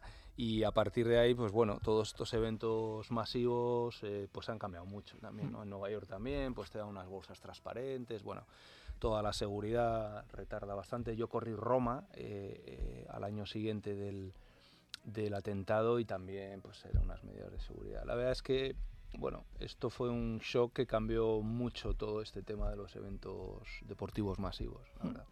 Entrevistam avui José Manuel Barquero, que és advocat, columnista, periodista, ha estat tertulià d'aquesta casa, és també un apassionat de l'atletisme, del ciclisme, eh, del triatló, perquè també, també has fet triatló, no? Sí, pero esto, bueno, yo creo que muchos maratonianos llegamos al triatlón así, ¿no? Eh, Un día nos cansamos un poco de, de correr o, o nos lesionamos un poco. Y, en mi caso fue así. eh, tuve una tendinitis, de las pocas lesiones que yo he tenido corriendo, la verdad. Pero en 2015, entrando al maratón de París, tuve una, una tendinitis no muy grave de rodilla. Y bueno, pues como no quería ver la forma, empecé a nadar. Y bueno, pues empecé a nadar y como ya había ido un poco en bici, pues digo, "Hombre, pues un día de estos voy a hacer un triatlón. Y bueno, pues haces uno cortito, luego haces un olímpico, luego dices, bueno, hace un medio Ironman y dices, bueno, pues ya que estamos. Ya ahí ¿no? Iron Man. Y no, y además me hizo mucha ilusión porque el Ironman yo lo hice en Vitoria, que es mi ciudad natal, y curiosamente yo en Vitoria, después de haber hecho todas esas cosas que has contado, esos maratones por todo el mundo, yo en Vitoria jamás me había puesto un dorsal, nunca, para nada, ni para una carrera popular. Y dije, hombre, me parece una buena manera de debutar en mi pueblo con un Ironman. Corre a casa amb un Iron Man, no? Es I déu nhi és Iron Man de Victòria que, que, té, que, té, que té pes. Sí. Uh, el 2014, després de tot això, a més a més d'Ironmans i tal, vas participar en una expedició a, a l'Himàlaia um, i ara tenies previst una altra expedició, no? Uh, que aquesta expedició ha quedat mig penjada, però crec que, crec que al final la duràs a terme, no? també, no? Uh, a l'Himàlaia vas anar a fer algun cim? Uh, vas anar a fer... He hecho varias cosas. Primero empecé con un grupo de amigos de aquí, eh, que ellos pues ya habían hecho algunos trekkings de altura. Bueno, trekkings que te pones por encima de 5.000 metros. La verdad es que yo con, el, con la montaña he tenido un, un flechazo tardío, digamos, en mi vida. Siempre me había arriba després, però... Eh? muchis- sí, sí, además suelen ser muy intensos estos flechazos tardíos. Siempre me había atraído muchísimo el mundo de la, de la montaña, pero bueno, por cuestiones mías y de pues no había podido hacer eh, determinadas cosas, ¿no? Y cuando empecé a hacer estos trekkings en pues alguno en el Himalaya, en el Himalaya de Nepal, también en la India, en Sikkim, estuvimos en, en Etiopía, hemos hecho cosas también, en, en Islandia, bueno, eh, hemos hecho trekkings muy bonitos, la verdad. Y bueno, pues eh, empecé también a ir a los Alpes con un, con un muy buen amigo, hice el Mont Blanc, hice el Cervino, hice el Monte Rosa, los Liscam. Y en una de estas pues dije, bueno, pues vamos a ir un poco más arriba. Y, y entonces en 2018 hice una montaña de 7.000 metros, el Hinlum Himal, eh, Ujú. en la zona del Manaslu. Al año siguiente fui a los Andes, que no había estado en, en lo- en los Andes en altura, y estuve en el Huascarán también, que es una montaña preciosa de 6.800 metros en, los Andes peruanos, en la Cordillera Blanca. Y bueno, pues este año, este fatídico 2020, para tanta gente, pues, pues tenía sí, un, un- un plato fuerte, que era, era este mes de septiembre intentar subir el Manaslu. Que és, Mm, que al Manaslu ja, ja parlam de, de, És una de, xomia. del vuitè cim més alt del món. és- Són 8.163 metres. Eh, Bueno, mm, esto sí, esto ya, son ja, palabras mayores. Ja són paraules majors. Sí, Aquí ja... Esto, bueno, pues la verdad es que prácticamente teníamos eh, cerrada la expedición allá por el mes de febrero, finales de febrero, y bueno, pues nada, en el mes de marzo empezó todo este tema de la pandemia. Cerraron las expediciones en todo el Himalaya, no hubo ya expediciones en primavera. Bueno, todos teníamos la, esperanza de que en otoño pues la cosa se abriera y ya nos dimos cuenta en mayo, junio que tampoco iba a ser posible. Y bueno, pues es una de esas cosas que queda ahí, porque además era un proyecto bonito, quería mezclarlo con algún tema también ambiental, porque bueno, queríamos hacer un poco de, limpieza en los campos de altura, bajar residuo no orgánico de- del campo 2, del campo 3, y, y bueno, pues ha quedado de momento en stand-by y ya veremos lo que, lo que nos depara el futuro. Yo creo que el año que viene empezarán a abrir de alguna manera. El problema será es que yo creo que va a haber una estampida de gente, bueno, subirán los precios muchísimo también, estas cosas suelen ocurrir así, pero bueno... eh, Clar, segurament que l'any que ve hi haurà moltes expedicions que han quedat clar, pendents clar, del 2020, hi haurà alguna gent que la podrà recuperar, altres que no, i també, això que dius és cert, els preus pujaran moltíssim Clar, i... Es, es un país Y eh, que está sufriendo muchísimo. Yo me acuerdo mucho de mis amigos de, de Nepal, me escribo con ellos, con los Sherpas, con los que he hecho alguna expedición, con gente de las agencias de allí. Y bueno, pues imaginaros, ¿no? si, si para nosotros, eh, para Mallorca, para Baleares, pues está teniendo el impacto que está teniendo, pero bueno, aquí tenemos sistemas de protección social, eh, pues imaginaros en Nepal, ¿no? Con, con una importancia tan grande de, las expediciones y del, turismo de montaña eh, y de los trekkings, etcétera, bueno, pues tener el país cerrado es para ellos demoledor, demoledor. Yo espero que esto el año que viene mejore. Han començat parlant d'atletisme, has fet ciclisme, triatló, escalada també has fet, alpinisme, ara, escolta, tornant a la frase que dèiem abans eh, al principi d'aquest article que vas escriure, Les curvas de la felicitat, on, on t'apuntaves que um, poques coses te hacen sentir más vivo que l'esforç agónico, no? Uh, teniu un mal dia a l'Himalaya o pujant al Manaslu no és el mateix que teniu un mal dia uh, a una marató a Chicago, eh? No, de hecho yo conté en un, en un artículo, eh, subiendo al Huascarán, eh, un artículo que creo que se titulaba Intentar la Luna. Eh, yo tuve un mal día, eh, como a 6.000 y pico metros, tuve un, bueno, una hipoglucemia, una, una baja de azúcar, una pájara, vamos, ¿no? Y contaba ahí que, evidentemente, si tú tienes una pájara en bici, pues bueno, pues, pues te paras, vas a un bar, te tomas Aquarius, descansas un ratito y sigues, ¿no? Si te dan el paseo marítimo de Palma corriendo, pues, pues igual, ¿no? Pues bebes y, y te pones a la sombra. Claro, si te pasas a 6.000 metros o a 7.000 metros eh, o más arriba, pues evidentemente, bueno, son actividades de, de compromiso, de riesgo. Creo que se aprende mucho también a, a conocer tus límites, saber eh, qué capacidad física y técnica tienes para afrontar según qué retos, con quién vas, es muy importante también. Yo, yo he ido muy bien acompañado a la montaña, eh, con gente, bueno, con muchos recursos y gente que, que- funciona muy bien en, la montaña y a mí eso también me ha dado una seguridad y una experiencia que vas, que vas cogiendo, ¿no? Mm, Antes de, de afrontar una, una montaña como esa, evidentemente tienes que haber hecho unas, unas cuantas cosas antes y yo creo que, bueno, pasito a pasito he ido haciendo algunas cosas, lo cual no te garantiza eh, el éxito en una, en una expedición. Eh, pero yo creo que el éxito de una expedición de esas es ir. Ja se hace estima, bueno, i eso ja és una Clar, meravella. no? anar-hi i, i haver fet tot un procés de preparació. No vas a passejar. A, a Mana... No, no, no, no, a Mm, ver. eh, mm, ya son palabras mayores. Son palabras ya. mayores. No es la montaña más difícil de los 8000, tampoco es la más fácil, el Manaslu. Eh, tiene un par de, de zonas complicadas eh, y la última concretamente pues hay que hacer un poco escalada en el pináculo famoso, ya, ya a 7.900 metros.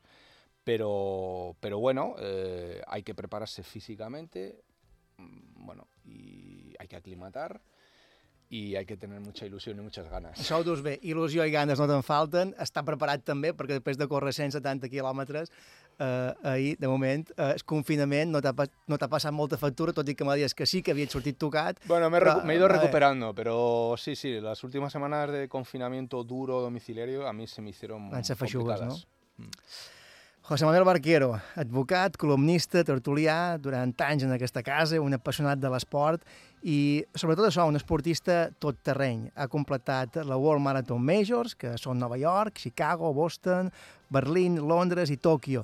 Apassionat de l'atletisme, del ciclisme, de l'escalada, de l'alpinisme. Desitjam que aquest projecte de Manslo eh, sigui finalment una realitat que ben segur duràs a terme. Enguany ja no, ja no ho serà, confiem que sigui l'any que ve i esperam que, que mos ho venguis a contar aquí en el programa, José Manuel. Encantado. Muchísimas gracias, Joan. Gràcies a tu per haver estat aquí, moltes gràcies. Gràcies. Uh, res, faim ara una petita aturada per la publicitat i en tornar canviem de segles. Mm, Carlos Sunyer avui arriba amb una proposta interessant també. Proposa la història de Jeremiah Johnson, un altre apassionat també de la muntanya, aquest fins a límits ja extrems i insospitats. Ara tornem.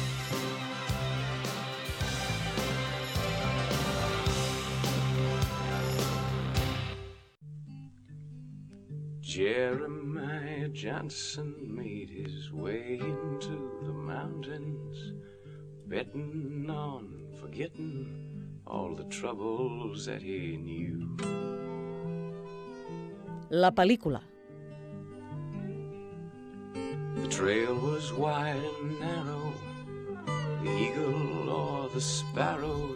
teves expedicions, Carlos Sunyer, bon vespre, també han quedat aturades, no? No, vespre sí, i mira quin tenia de projectes, però ara no se pot fer res. Ara que escoltaves José Manuel Barquero, sabies bé de què parlava ell, no? Sí, S'ha de pujar sí, eh, sí, sí. al Manaslu i fer aquest tipus d'expedicions i saps beques, també. Sí, de fet, era, era un dels projectes, curiosament, es Manaslo, i s'ha quedat com amb un somni. Però bé, veurem si torna. Tornarà, tornarà a la normalitat. Eh, entrem ja, ja l'escoltau, en el darrer tram de, de programa, arriba Carlos Sunyer. Avui amb una proposta sorprenent, interessant eh, i molt enriquidora, perquè ens endinsam avui eh, a la vida d'un home de muntanya, un home que, que va viure entre el 1824 i el 1900. Mm, una vida de llegenda, un cas fascinant i documentat també a partir de les seves biografies, que van ser després punt de partida de, de novel·les i pel·lícules. Parlam avui de la vida de Jeremiah Johnson.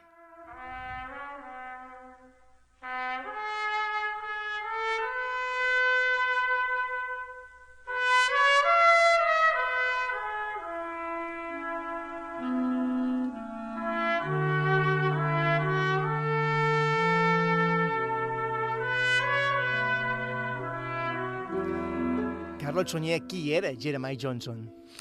Mira, eh, clar, precisament ara que parlàvem de, de muntanya, aquesta anterior entrevista amb en Barquero i que me demanaves allò, per molta muntanya que fem, nosaltres hi anem i tornem, no? Però clar, homes de muntanya són homes com aquest.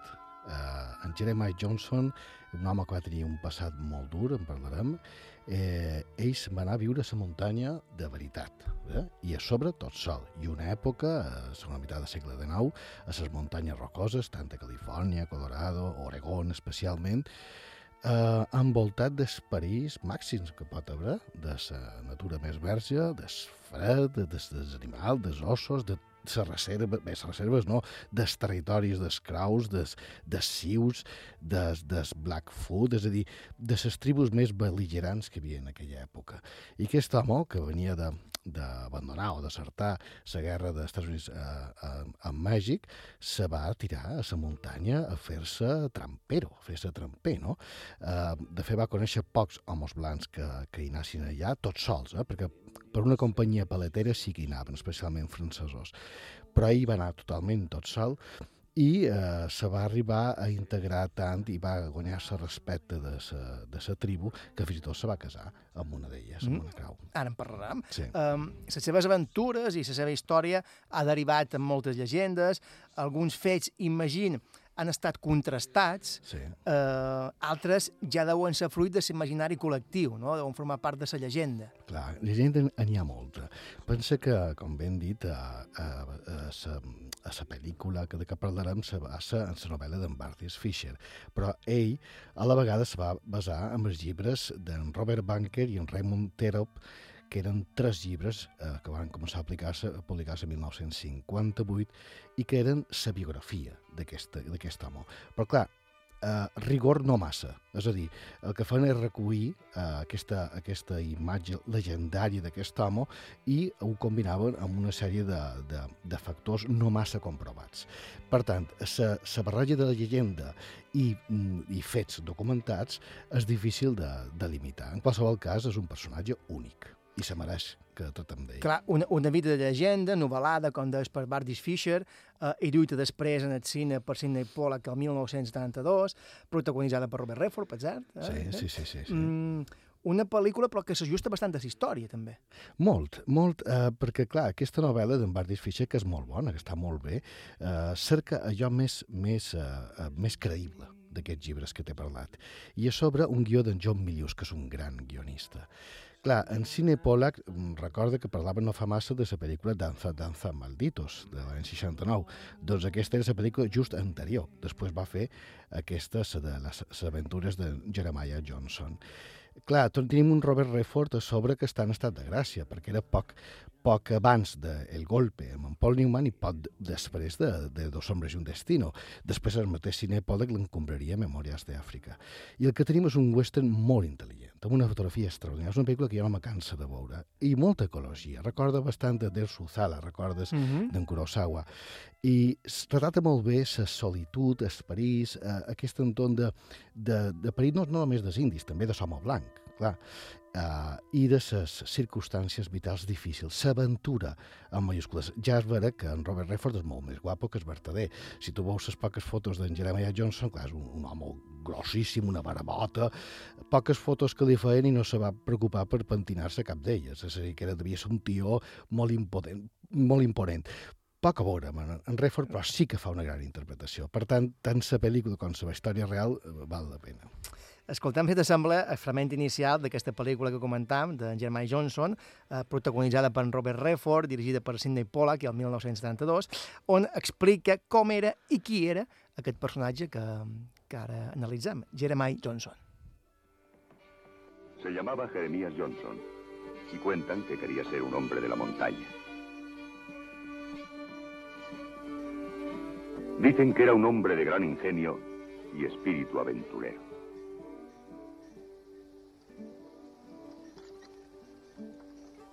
Nadie sabía de dónde procedía, ni aquello parecía importar a nadie. Era un hombre joven y las leyendas de fantasmas no le asustaban lo más mínimo.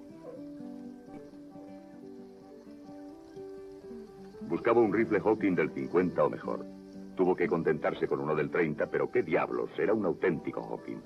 Después compró un buen caballo, cepos y todo el equipo necesario para vivir en la montaña y se despidió de la vida que pudiera ver en el valle. ¿Dónde puede encontrar osos, castores o cualquier animal cuya piel se venda a buen precio? Cabalgue hacia el oeste a la puesta del sol y tuerza a la izquierda, en las montañas rocosas. Queda clara aquí la necessitat de tenir un rifle, no? Eh? Important per sobreviure a la muntanya. Clar, és que sense ell estàs mort. I, I pensa que un home com ell, que hi anava tot sol, eh, ses, vegades, ses poques vegades que baixaven el vall, era per aquí, això, munició, el rifle millor que tingués, canviar de cavall... Um, pensa, Joan, que uh, en aquella època és veritat que va arribar molt d'homes d'homes blancs no? que, uh, a la recerca de peix, especialment de castor i també d'ossos, però pertanyien a, a companyies, eh, la qual cosa queda molt bé reflectida a la pel·lícula El Renacido. I van començar els francesos, especialment, no? que de fet seguien el líder que eh, és Bonsway, que és una traducció eh, distorsionada de bourgeois. I clar, aquests sí que estaven allà, però tenien les seves, eh, els seus guàrdies, tenien les seves guàrdies, tenien eh, bon armament, però homes completament tots sols, n'hi havia molt poquets, no? I per això eh, era fàcil que es convertís en una llegenda, especialment perquè és un tio que se va enfrontar a tothom.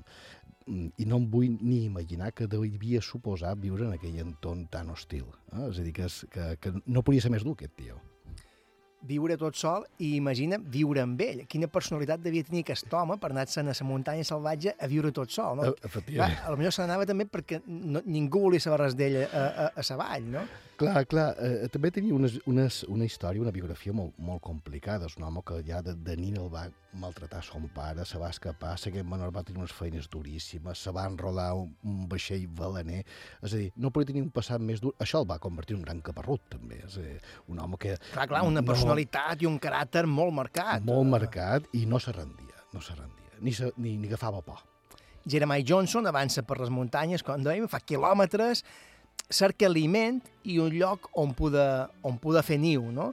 Enmig d'aquesta aventura troba un home blanc. Sí. Un home blanc però que està mort, ja, sí. mm, congelat. Està ben, per, està ben, sí, està ben està blanc. ben congelat, està ben blanc, congelat per la neu, però però té un rifle. Exacte. I el rifle està, sí, mig enterrat, eh, allà al seu costat, i aquest home eh, ha deixat una nota. Yo, Hashet Jack, en posesión de mis facultades mentales, aunque con las piernas rotas, dejo mi rifle para quien lo encuentre. Espero que sea un hombre blanco. Es un buen rifle y con él maté al oso que me mató a mí. De todas formas, estoy muerto. Atentamente, Hashet Jack.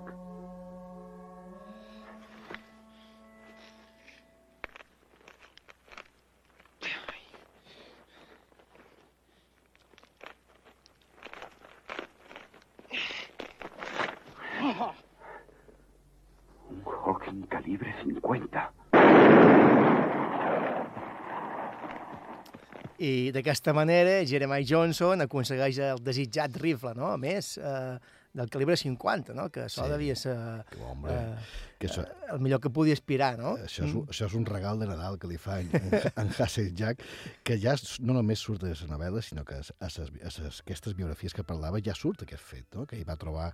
En Jack, de fet, era un dels que uh, va coincidir amb ell uh, a Oregon, i quan ell va decidir anar cap a les muntanyes, en principi anaven junts. Després, el, això, la pel·lícula això no, no surt així, però, i després el se va retrobar d'aquesta manera, mort. És a dir, ja l'havia conegut. Um, espero que sea un hombre blanco, això dir. Clar, cu- curiós aquest apunt que, que, que, que home que escriu eh, a la nota quan...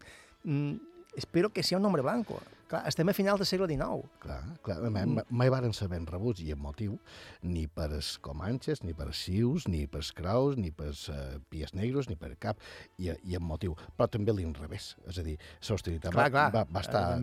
Bé, havia, havia aliances, a vegades els kraus s'aliaven amb els blancs en les guerres que en van tenir tres en aquella època contra els sius. Um, pensa que fins a la signatura dels tractats que uh, feien que oficialment aquests territoris pertanyien als Estats Units, que ja és quan va començar la gran emigració i la colonització, era territori indi. I, per tant, tot aquell uh, valent que s'hi dintràs en aquest, en aquests paratges, clar, s'exposava una condena de mort.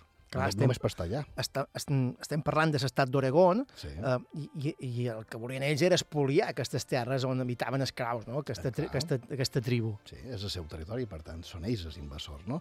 Però, clar, de, de la cultura eh, de Somo Blanc, aquells són els, els salvatges i són els que tenen els seus déus estranys i que han de ser civilitzats.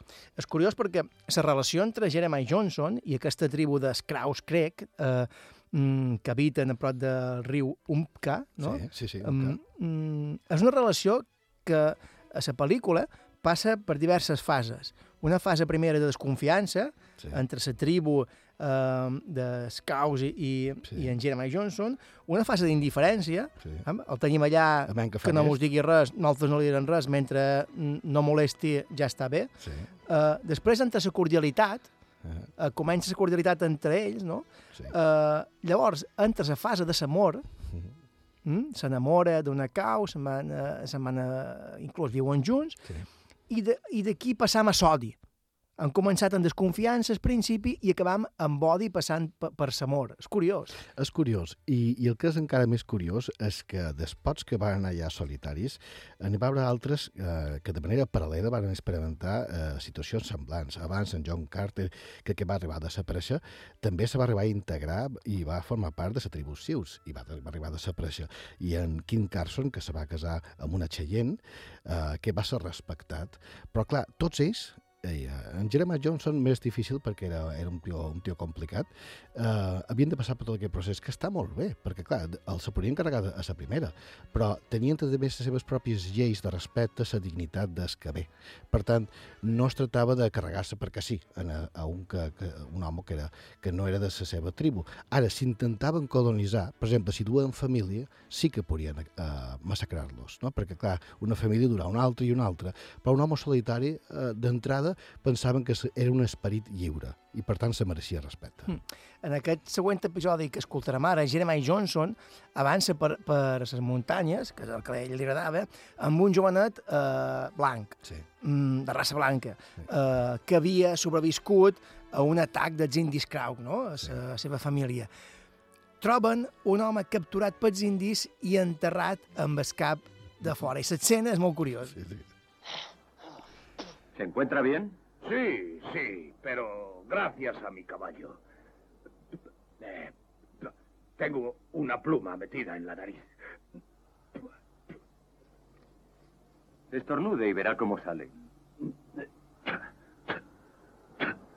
No habrá visto a nadie por aquí últimamente, ¿verdad? No, nadie ha pasado delante de mí. No sé si alguien vendrá por detrás. Ah, ah, ¿Los indios le han puesto aquí? No iban a ser los mormones. Eh, un indio llamado Lobo Loco, buen chico, no habla demasiado.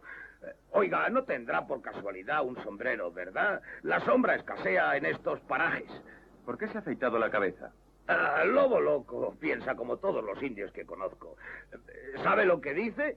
Que a mí no me puede arrancar la cabellera. Eh, no es la primera vez que protejo así mi cabeza.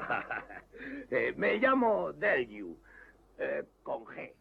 un diàleg curiós entre una persona enterrada um, amb el cap de fora. Eh? El sol pega fort i el primer que demana eh, és un capell, no? I així, i així es coneixen. Eh, perquè, a més, és ben calp. Clar, i en tota, i en tota intenció. Mem, això és una, llicència, una llicència de, de guió per part d'en John Milius i bé, eh, aporta aquesta nota còmica eh, en aquesta pel·lícula.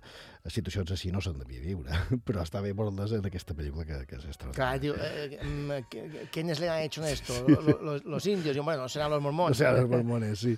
Però sí, és veritat que aquest tipus de- d'execució per Blackfoot existia. És a dir, deixaven el cap de fora perquè la víctima tenia dret a veure com s'acostava a la mort, perquè és que totalment enterrat era una manca de respecte, respecte a, a, a, amb el, pel que fa al seu, al seu esperit. I és veritat que molts també, des que anaven a la muntanya, s'apel·laven, perquè clar, si ja no tenien els, els cabells, el cuir que podien, que podien arrabassar tantes sius, els apatxes, els craus, etc, ja no era igual. Eh? Que, de fet, això de, això de ser cavallera, que ho associen sempre a ells, en es, a aquestes tribus, mm. és curiós, però en realitat és, és origen eh, probablement venia dels francesos. Perquè, clar, ells el que fan era cobrar una, una, una recompensa per cada indi que mataven aquest, aquests que pertanyien a aquestes companyies paleteres. I, però ho havien de demostrar eh, entregant els caps. Al final va, va resultar ser un problema, eh, per motius obvis, i, i van començar a, a fer això, de la cavallera. No? I d'aquí ells, els altres, eh, els tribus, les tribus indis van, el van considerar bé una manera de, de, de, de quedar-se l'esperit, igual que Sapatges era els ulls. I és ben probable que ho agafassin a sobre, que això no vinguessin d'ells, sinó que vingués de Samuel Blanc. Una cosa que ha quedat molt particular i molt característica de les tribus, sí, sí, no? sí, però està documentat que els francesos cavallera. ho feien i fins i tot al principi del segle XIX. Eh, Carlos, si te sembla, fem una aturada per la publicitat i continuant després en la història de Jeremiah Johnson, perquè encara hi ha unes quantes aventures. Perfecte. Jeremiah Johnson made his way into the mountains, betting on forgetting all the troubles that he knew.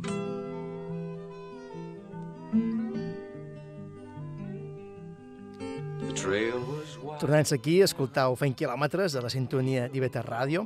Som ja en el darrer tram de, del programa. Parlam avui de la vida de Jeremiah Johnson, un home que va viure a la muntanya entre el 1824 i el 1900, una vida de llegenda a les muntanyes d'Oregon.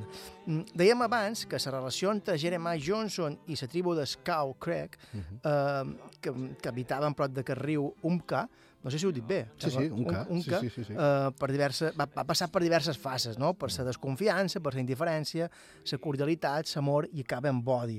Mm, però hi ha un episodi clau, Carlos, que fa que totes aquestes fases acabin amb, amb odi, havent passat per, per l'amor. No? Qui- Quina és aquesta, aquesta causa?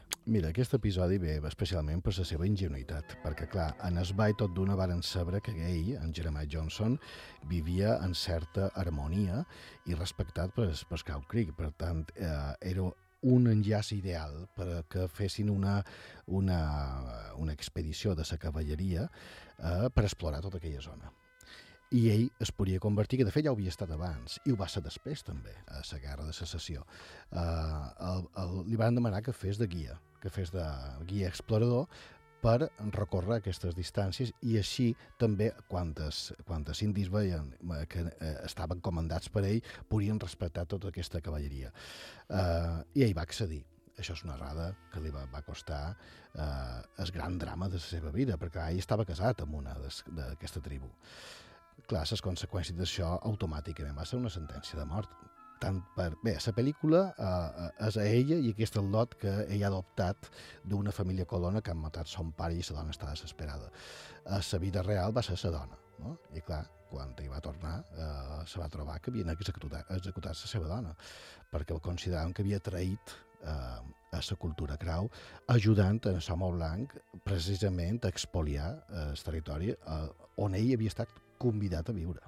Clar, Jeremiah Johnson s'ha enamorat, viu amb una dona de la tribu de, de Scow Creek, mm, ell ja era acceptat, com bé dius, però passa, passa això, no? Mm, escoltam aquest episodi en què una tropa de la cavalleria mm, demana, eh, li, li demana que, que els faci de guia. Alto. Johnson.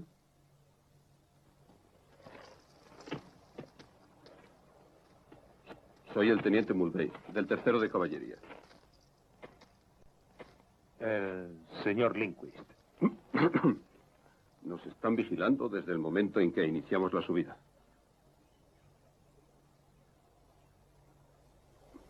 Estamos preocupados.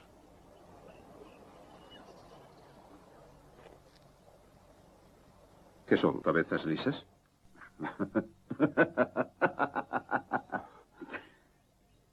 ¿He dicho algo raro? No, no. Es que hace mucho tiempo que no oigo hablar en un idioma inteligible. No estoy acostumbrado. Crows. Es territorio Crows. Ya. Estamos en el departamento de Colorado. Sí. ¿Usted se lleva bien con ellos?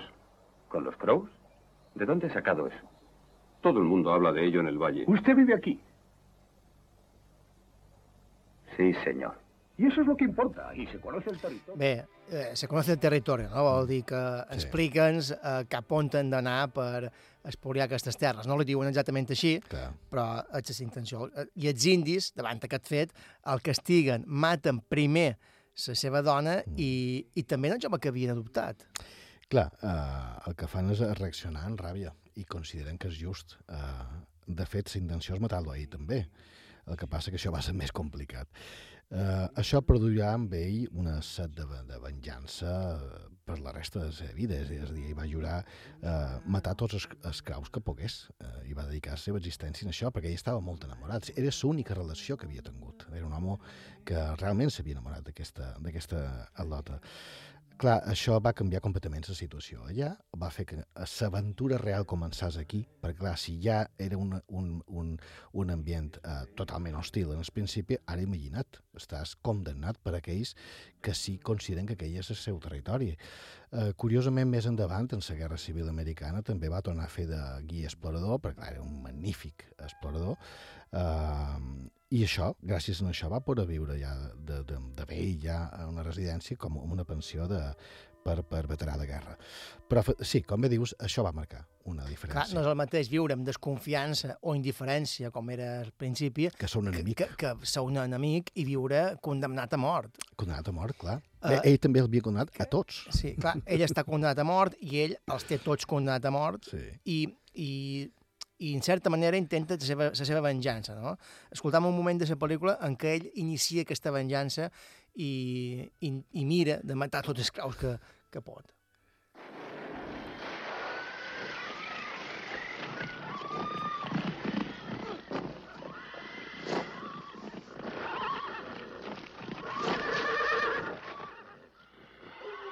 Bé, eh, Jeremiah Johnson mata, en Sí. definitiva, tots els indis que abans havien eh, executat, matat la seva dona i en el seu fill adoptat. No? Eh, a partir d'aquí, ell viurà sempre amenaçat constantment. Clar, al principi, eh, clar, té una... Això de la pel·lícula està beníssim, beníssim, perquè el que fa és estar pràcticament dos dies sense moure's de, de vora de la dona. Uh, I això, uh, segons la biografia, va ser així. El manco ell ho contava d'aquesta manera. I després va decidir enterrar el cos de la seva dona, a la pel·lícula també d'aquest atlotet, i va cremar la seva casa, uh, una manera simbòlica de, de començar de zero i allunyar-se d'allà, i el que volia era trobar en aquests, en aquesta, en aquests que s'havien, eh, aquest grup de, que eren cinc. Uh, en teoria el va matar en cinc. Clar, també hi sabia la tradició cau, i sabia molt la tradició cau, de que eh, per respecte, quan eh, condenen a una persona, eh, han d'anar un per un després, no? Perquè clar, és un, és un honor eh, que els craus concedeixen a un de la tribu. El podien matar dia següent, van tots i ja està.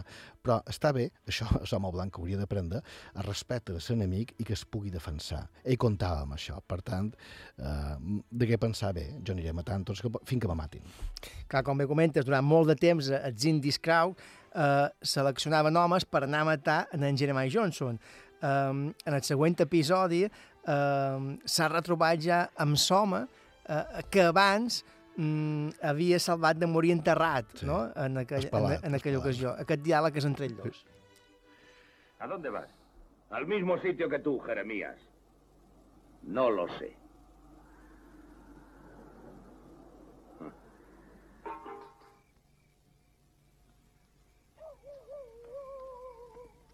Con los indios pisándote los talones, no te felicito por acampar aquí. ¿Te has vuelto cobarde desde que te ha crecido el pelo? ¿Eh?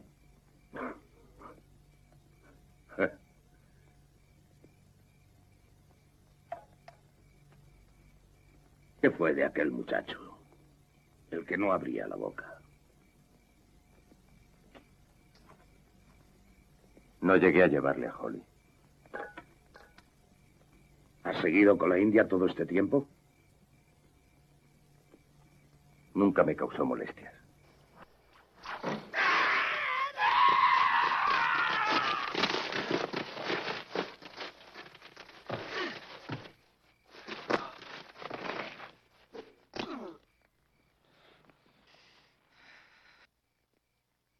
¿Siempre es así, de uno en uno? Sí, de uno en uno. Eh, els indis hi anaven d'un en un eh, a matar-lo. Cap ho va aconseguir. Clar, uh, de fet, has fet... Bé, mem, la gent diu que va, quasi va matar 100, això és impossible. Això és, Clar, això, és, això és el que dèiem abans, no? Què és el que forma part ja de la llegenda i el que realment va succeir després. Això és com el Cid, que amb, amb unes pesades Ah. se'n du a 50, no? El, Um, el, clar, el fill va matar un exèrcit d'àrabs ell tot sol, quan ja estava mort. eh? Efectivament, efectivament. Però sí que degué ser una cosa digna de recordar. I, i a a sobre va començar la llegenda per part dels indis també, de que devia tenir un esperit maligne, fins i tot un diable, i aquí va, on va, va passar de ser respectat a ser temut. I, I això va ser el que li va permetre sobreviure. Perquè, i va ser la primera passa a que va acceptant eh, la seva supervivència. I, de fet, crec que una de les llegendes sobre en Jeremiah Johnson també després és que es menjava el fetge dels indis que ell matava. Clar, de, de fet li donen menjar fetges, perquè, a mem, és veritat que el fetge, eh, en aquesta des, des craus, era un òrgan sense, sense el qual no podien anar a més enllà, no podien anar en contacte amb els déus. Ells ho sabien, això. Segurament, no sé si menjar, però el degué estirpar. I de fet hi ha un episodi a la Guerra de Secessió, a la guerra, quan ell fa de guia, eh, enregistrat per un oficial on ell, eh, clar, es- es- anaven tots endarrere perquè li deien així, era, el sobrenom que li havien posat i va extreure el fetge d'un cadàver d'un, abatut a la guerra amb una precisió de cirurgià. Per, per tant, sabia eh, com fer-ho i segurament ho havia fet. abans. Clar, perquè hem de pensar també que eh, eh, els craus, o sigui, quan es volen venjar d'ell perquè ell ha fet de guia en els americans que volen espoliar les terres, eh, clar, el mal que li fan és matar la seva dona, que, que era crau. que era creu, sí, però no era digna d'estar amb ell. És a dir, havia, quedava co- corrompuda, que no, no era, eh, precisament perquè era de la seva sang, no devia continuar amb ell, perquè ell havia traït el, el seu poble. El havien reconegut com a creu, a ell. Aquest, aquest és, és el tema. I clar, després ja ja eh, passa a ser rebutjat, tant ell com la dona. Clar, al final sí que arriba una espècie de treva i, i ell va poder seguir a, la muntanya constantment amenaçat o la treva aquesta va durar ja per sempre? No, no, no, no. La treva va durar per sempre. Quan ja va ser tan respectat que fins i tot va ser temut, ja està. Eh, de fet, ell va viure ja fins a prop de 70 anys. Després va baixar quan va volar, però és un home que va viure en el fil de la i va sobreviure. Eh, I gràcies a aquesta pensió de guerra que tenia, perquè s'havia afiliat, bé, havia, havia estat guia de, de l'exèrcit unionista, va acabar en una residència a Santa Mònica fins, a, fins que tenia 73 anys i en els llibres, de, els llibres de, de, de, on serà llista historial eh, metge eh, queda constància de que, era un, de, que era un home que eh, impressionava molt fins al darrer dia de la seva vida, molt poc xerrador i que transmetia una, una, una aura no? d'home especial no? I, i di- difícil de tractar també. eh, la vida de Jeremiah Johnson, una història entre realitat i, i llegenda, una vida de pel·lícula, com bé des, mm, no va anar d'excursió a la muntanya, no. sabia molt ben bé eh, que anava i, i devia quedar un, un dècades eh, visquent, I tant, visquent allà, que, fins que va tornar, no? És un d'aquests mountain mans que se diuen que aquests sí que són muntanyers de veres. va, va crear el seu niu i a partir d'aquí, eh, quan el seu niu ja va estar creat, cremat després per la tribu d'esclaus, que crec que després també van arribar els sius, no? Eh, Clar, Sius, i també i també Sapatxe se van acostar en aquell, en aquell territori. Però ell no se va moure, ell no se va, se va, no se va moure. I va ser respectat en el final, sí. Se va fer seva la muntanya i seva respecte de les tribus. I va passar de tenir el seu niu, eh, on havia creat la seva vida amb sa, amb la seva dona Crau i el seu fill que, que va adoptar, a després, una altra vegada, tornar a continuar amb aquesta expedició eterna gairebé, no? Totalment, sí, fins que el cos li va aguantar. És un home que només havia de baixar en el vall, i ja era un mite allà baix. Ja va estar molt respectat, i sabien que era un gran guia. Però ell preferia viure a les muntanyes. És a dir, la natura va entrar dins el seu cos i la seva ànima va formar part d'aquell entorn natural i ja formarà part sempre. Tu quan vas allà veus escultures, ha un museu dedicat a ell, quan veus el seu ganivet, el seu rifle, impressiona molt, perquè no dius, hòstia, aquest tio és que realment eh, eh, vivia en perill, però també el perill era ell. Era un home que al final a la por eh, eh, la provocava ell. És a dir, els mateixos indis alerta que per allà es menja fetges. Respectat i, i temut. Clar. La vida de Jeremiah Johnson, com dèiem, una història entre realitat i llegenda, una vida de pel·lícula que ha acabat eh, amb aquesta gran pel·lícula eh, protagonitzada per Robert Redford. Quilòmetres i quilòmetres d'aventura entre els perills de la muntanya salvatge. Carlos, fins aquí eh, programa d'avui. Ha estat un plaer. T'esperem la setmana que ve. Molt bé. Uh, si el món continua en peu. Esperem que Esperem que sí, esperem que sí. Eh? Salut i quilòmetres, amics. Bona nit. Hello, darkness, my old friend. I've come to talk with you again. Because a vision softly creeping left its seeds while I was sleeping. And the vision that was planted in my brain still remains within the sound of silence. In restless dreams I walked alone, narrow streets of cobblestone, neath the halo of a street lamp. I turned my collar to the cold and damp. When my eyes were stared by the flash of a neon light that split the night and touched the sound of silence. And in the naked light I saw ten thousand people, maybe more. People talking without speaking. People hearing without listening. People writing songs that voices never share. No one did disturb the sound of silence. Fool said I, do not know. Silence like a cancer grows. Hear my words that I might teach you. Take my arms that I might reach you. But my words